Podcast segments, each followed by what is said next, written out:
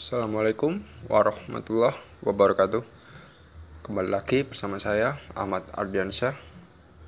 Kali ini saya akan membahas mengenai seputar Euro ya. Euro 2020 yang dilaks dilaksanakan pada tahun 2021 Namun kali ini saya akan membahas grup C dan D ya yang sudah lolos di 16 besar uh, kemarin saya membahas grup A dan B ya. Sekarang grup C dan D. Grup C, maaf, grup C itu ada hmm, Belanda ya. Grup C itu Belanda, Austria, iya. Grup C ini kebetulan di 16 besar ini sudah gugur ya semuanya oh tidak. Ternyata menyisakan Ukraina ya. Ukraina juga berasal dari grup C kebetulan dan Ukraina masih ya masih lolos ya Ukraina. Yang akan melawan Swedia uh, ya dua hari lagi dua hari lagi. Ya di grup C Belanda kemarin ya secara mengejutkan ya sebenarnya. Karena lawannya sebenarnya itu Ceko ya tidak diunggulkan juga sebenarnya ya. Tapi Belanda peringkat satu dengan mantap di grup C ini mereka nomor satu ya. Tapi ketika di 16 besar iya melawan Ceko iya anti klimaks ya. Mereka kalah 2-0 hmm, iya karena ada kartu merah juga yang diterima oleh pemain Belanda yakni Matic Delik ya. Terkena kartu merah menit 55 sebenarnya laga ini kemarin harusnya di TV ya. Di TV RCTI ah maaf. Ya di TV RCTI jam ya jam 11 ya. Jam 11 malam. Tapi ya tidak di televisi juga ya. Ternyata tidak tidak ditayangkan. Mengecewakan bagi saya karena ya harusnya ini laga yang laga nomor satu sudah sinetron libur dulu ya ini. Karena Yurit tidak setiap hari bung ya. Ini empat tahun sekali ya. Sinetron setiap hari ya. Nah lalu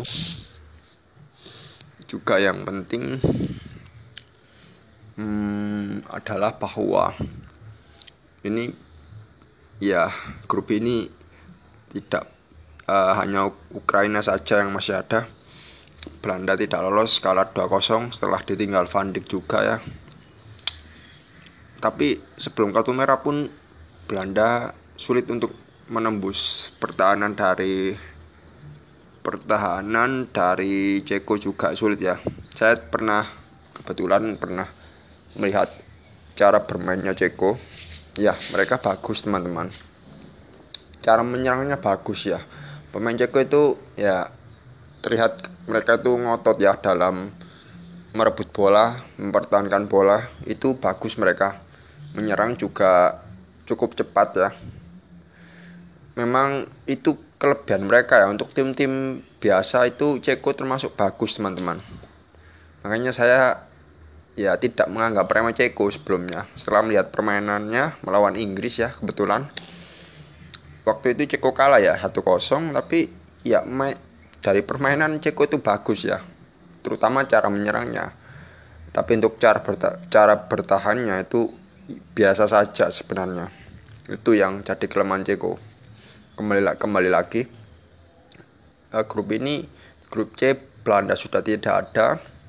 Ya, lalu Austria juga tidak ada ya kalah dari Italia dan juga Austria kalahnya 2-1 ya. Itu benar-benar laga yang berat untuk Italia karena mereka harus sampai perpanjangan dan untuk pertama kalinya kebobolan ya. Hampir 30 laga ya tanpa kekalahan. Ternyata itu rekor yang lama teman-teman.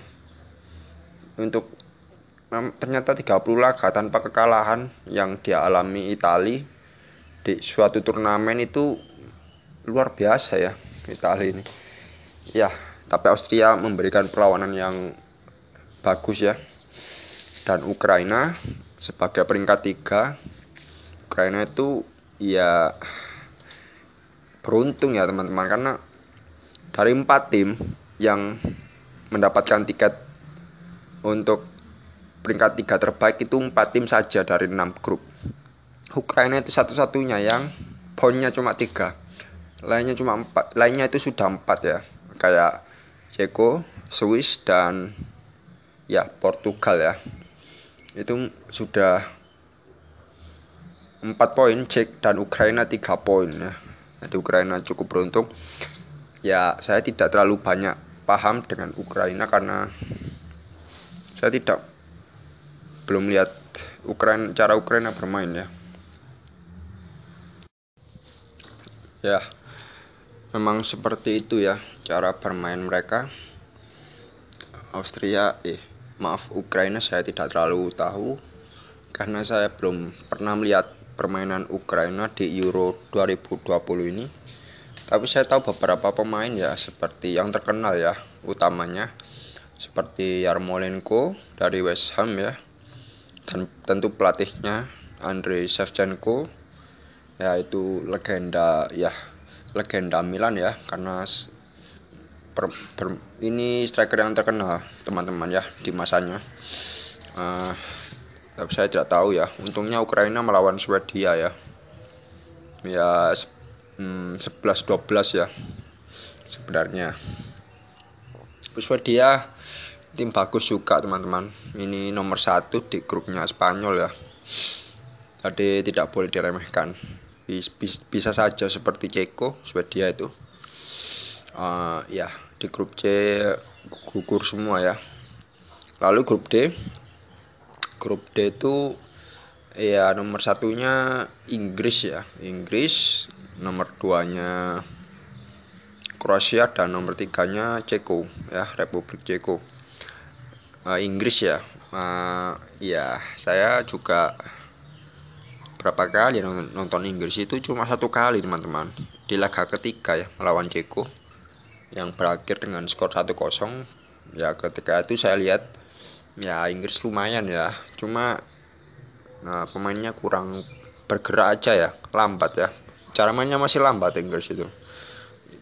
Ya biasa aja Inggris ya kurang kalau dari pemain dan permainan tidak sinkron teman-teman. Harusnya ini Inggris ya sepak bolanya aliran bolanya lebih cepat saja ya karena ini pemainnya dan cara mainnya itu tidak sinkron karena apa ya mereka memainkan sepak bola lambat yang membosankan ya. Bagi saya itu bukanlah bukanlah yang kuat strategi yang kuat untuk saat ini. Ya Inggris uh, ya memang pemainnya bagus-bagus ya muda dan ada beberapa pengalaman yang baik juga di situ. Ada Henderson juga ya, gelandangnya Liverpool. Ah, tapi ya sistem mainnya saja Inggris ya harus diperbaiki. Apalagi mereka akan melawan Jerman ya. Nah, kalau Jerman sudah tidak ditanya lagi ya karena Jerman itu dari taktik ya sudah jelas lebih satu langkah lebih bagus daripada Inggris ya.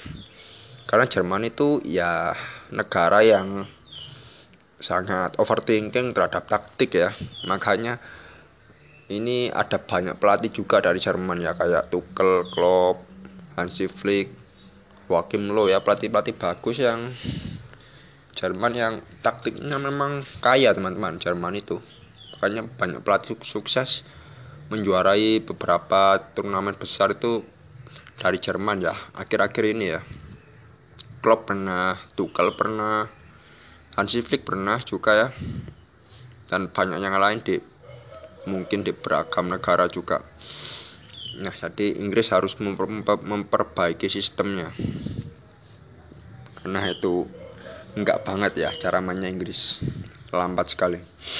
Uh, ya Inggris di grup D itu nomor satu ya. Walaupun tersok-sok dan cuma mencetak dua gol saja ya. Untuk klub besar itu ya tidak kebobolan dan mencetak dua gol. Lumayan ya.